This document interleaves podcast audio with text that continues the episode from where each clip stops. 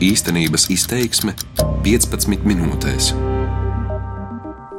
Pirms nedēļas Latvijā un Baltijas valstīs viesojās pāvests Francisks, kuru pavadīja vairāk nekā 60 žurnālistu grupa. Starp viņiem no pieredzējušākajiem ir Filips Pulēlla, starptautiskā ziņu aģentūras Reuters vecākais korespondents Romā.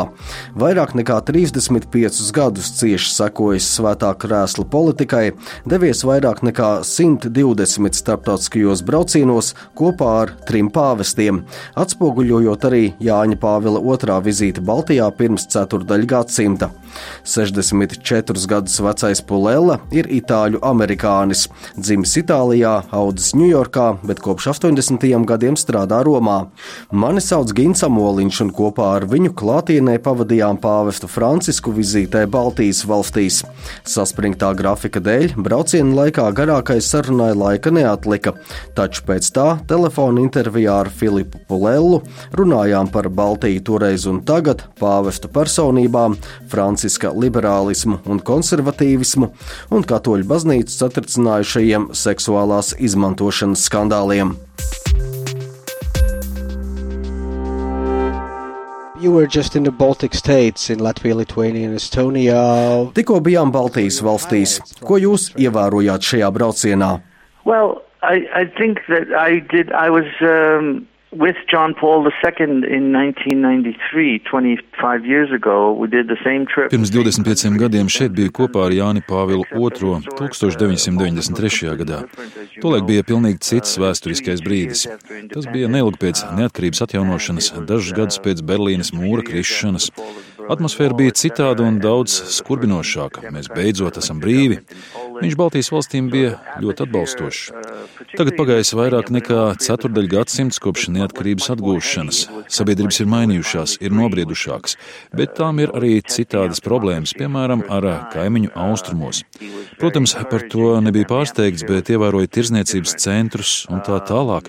Kā daudzās citās rietumvalstīs pieņem, ka arī šeit ir problēmas ar materiālismu un patēriņa kultūru. Domāju, Francisks politiski trāpīja naglai uz galvas, runājot par atsevišķām problēmām, ar ko saskaras trīs valstis. It īpaši pēdējā dienā Igaunijā skaidri runājot par trokšņa taisīšanu ar raķešu draudiem un tam līdzīgi.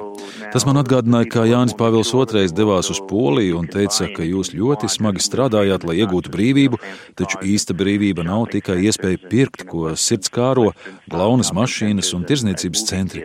Brīvība ir kas daudz vairāk un dziļāk. Arī Baltijas valstīs bija daļa no šī vēstījuma. I mean, uh, Latvijā, have... Latvijā izskanējis, ka īpaši Rīgā nebija nemaz tik daudz cilvēku, kas atnāca redzēt pāvestu. Tas daļai varētu būt saistīts ar laika apstākļiem. Vai jūs ievērojāt, ka salīdzinot ar Jāņa Pāvila vizīti pirms 25 gadiem, šoreiz Baltijas valstīs varbūt nebija tik daudz cilvēku?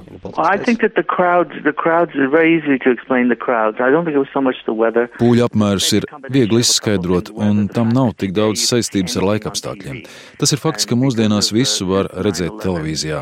Un kopš 11. septembra teroraktiem ASV drošības pasākumi vietās, kur dodas pāvests, var likt sajukt prātā.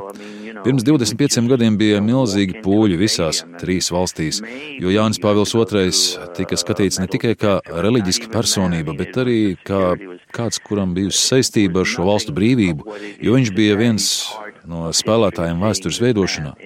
Pirms 25 gadiem jūs izdzīvojat vēsturi, un tādēļ daudz cilvēku gribēja būt daļa no vēstures un šo cilvēku skatīt savām acīm.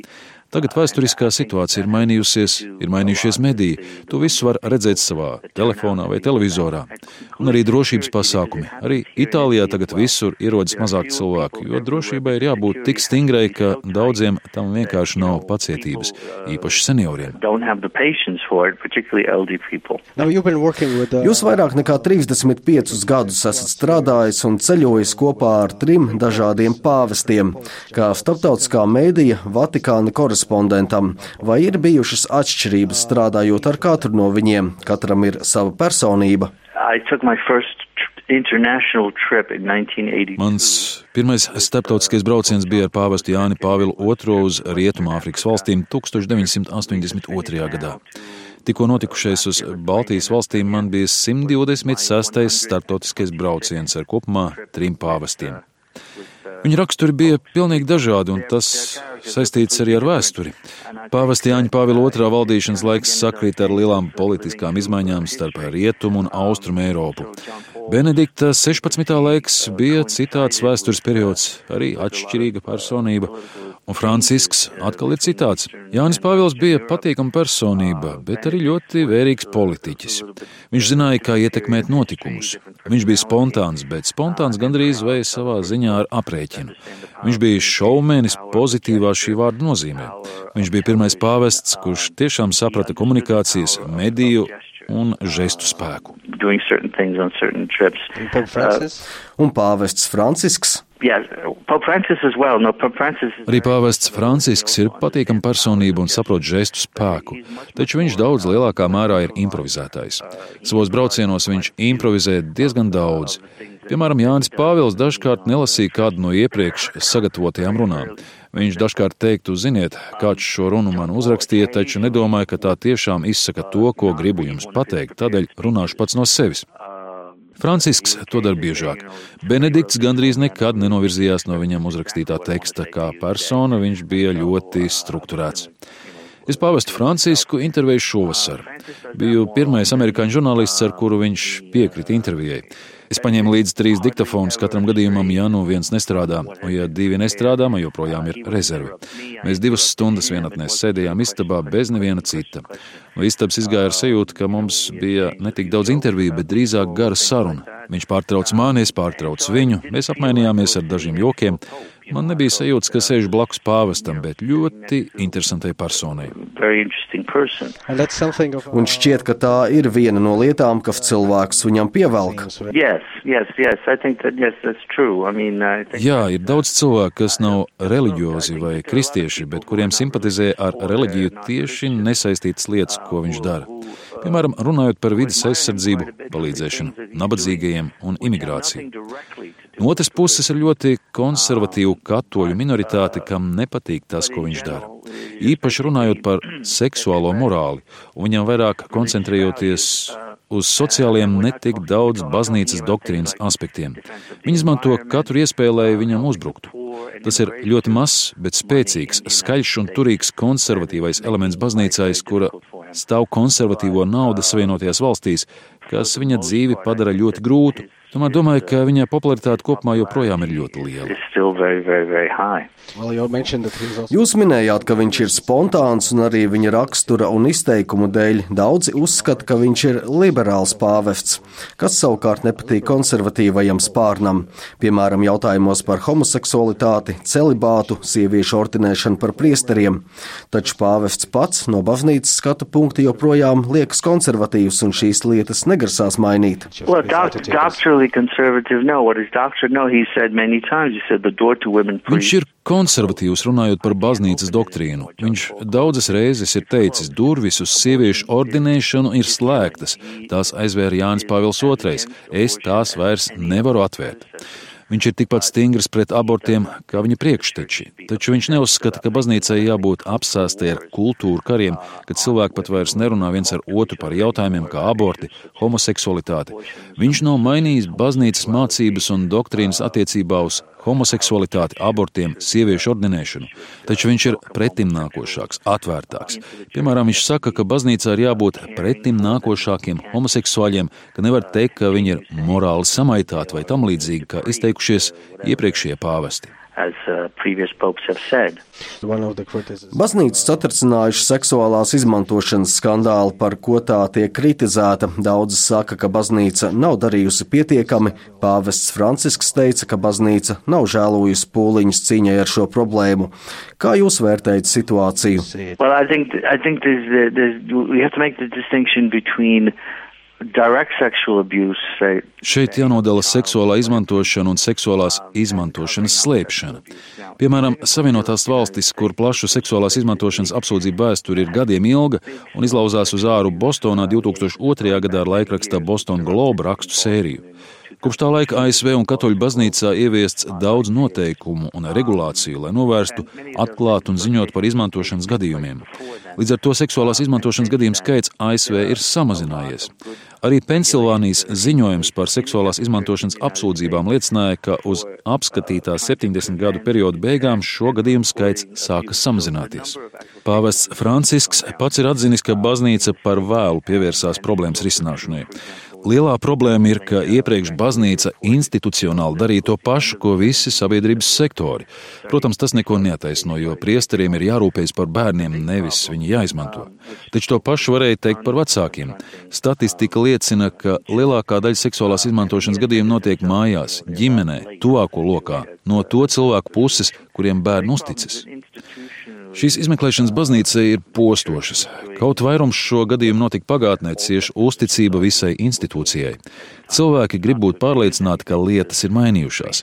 Piemēram, vai katrai draudzēji ir izveidota procedūra, lai novērstu izmantošanas gadījumus.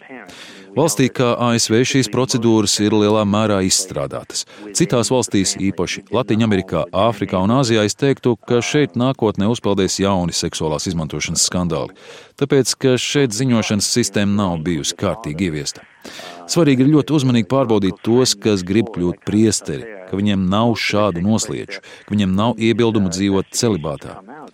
Pirms 50, 60 gadiem cilvēki pieņēma lēmumu kļūt par priesteriem ļoti agrā vecumā. 14 gadu vecumā ir ļoti grūti izlemt, ko darīt ar atlikušo dzīvi. Jo vecāks tu kļūsti, jo rūpīgāk pārdomāts lēmums tu pieņem. Viena no pozitīvajām lietām ir tā, ka daudz vīriešu, kas mūsdienās iet seminārā, ir jau gados vecāki.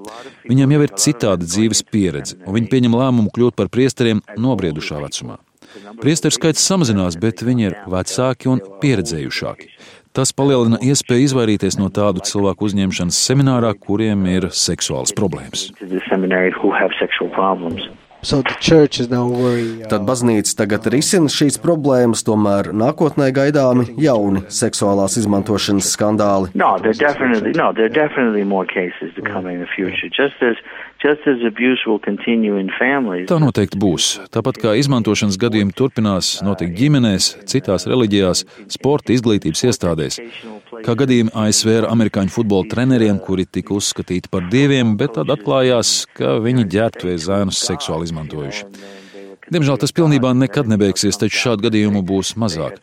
Baznīca ir gūsi smagu un rūktu mācību, ka šīs lietas ir jārisina ātri un bez žēlastības. Uh, Vai pat laban 81 gadu vecais pāvests Francisks sekos savu priekšteča Benedikta 16. piemēram un atkāpsies no amata, kad jutīs, ka viņa valdīšanas laikam ir jābeidzas? Yes, definitely. He said that as much. He said it to me. He said it before. Noteikti viņš pats to ir teicis arī man. Viņš teica, ja jutīs, ka viņam vairs nav veselības, tad viņš to darīs. Pat labi, viņš saka, ka jūtas labi un par to pat nedomā. Tiesa baznīcai tā būtu ļoti savāda situācija. Vienlaikus būtu divi bijušie emeritētie pāvesti. Tādēļ šaubos, vai Francisks atkāpsies, kamēr Benedikts vēl būs dzīvs. Benediktam tagad ir 91 gads.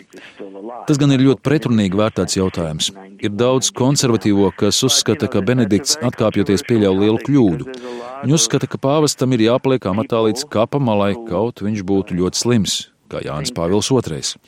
Atšķirība ir, ka pirms daudziem gadiem starp pāvestu un sabiedrību bija ļoti maz kontakta. Pirms simts gadiem nebija ne televizora, ne radio. Pāvests varēja būt slims ilgu laiku, un neviens par to pat nezinātu. Jūs negribat, lai lēmumus pieņem jūsu vietā. Domāju, ka Jāņa Pāvila pāvestības pēdējos gados bija cilvēki, kas lēmumus pieņēma viņa vietā. Viņam bija Parkinsons, ļoti slikta veselība. Tā ir bīstama situācija un lieta, no kuras pāvests varētu gribēt izvairīties, atkāpjoties, lai citi nepieņem lēmumus viņa vietā.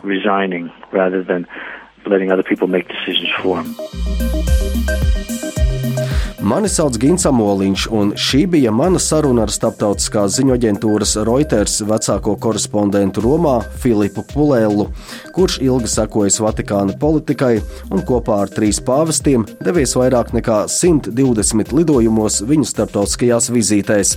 Par skaņu rūpējās Renārs Šteimanis. Darbības vārds īstenības izteiksmē izsaka darbību kā realitāti - tagadnē, pagātnē vai nākotnē, vai arī to noliedz.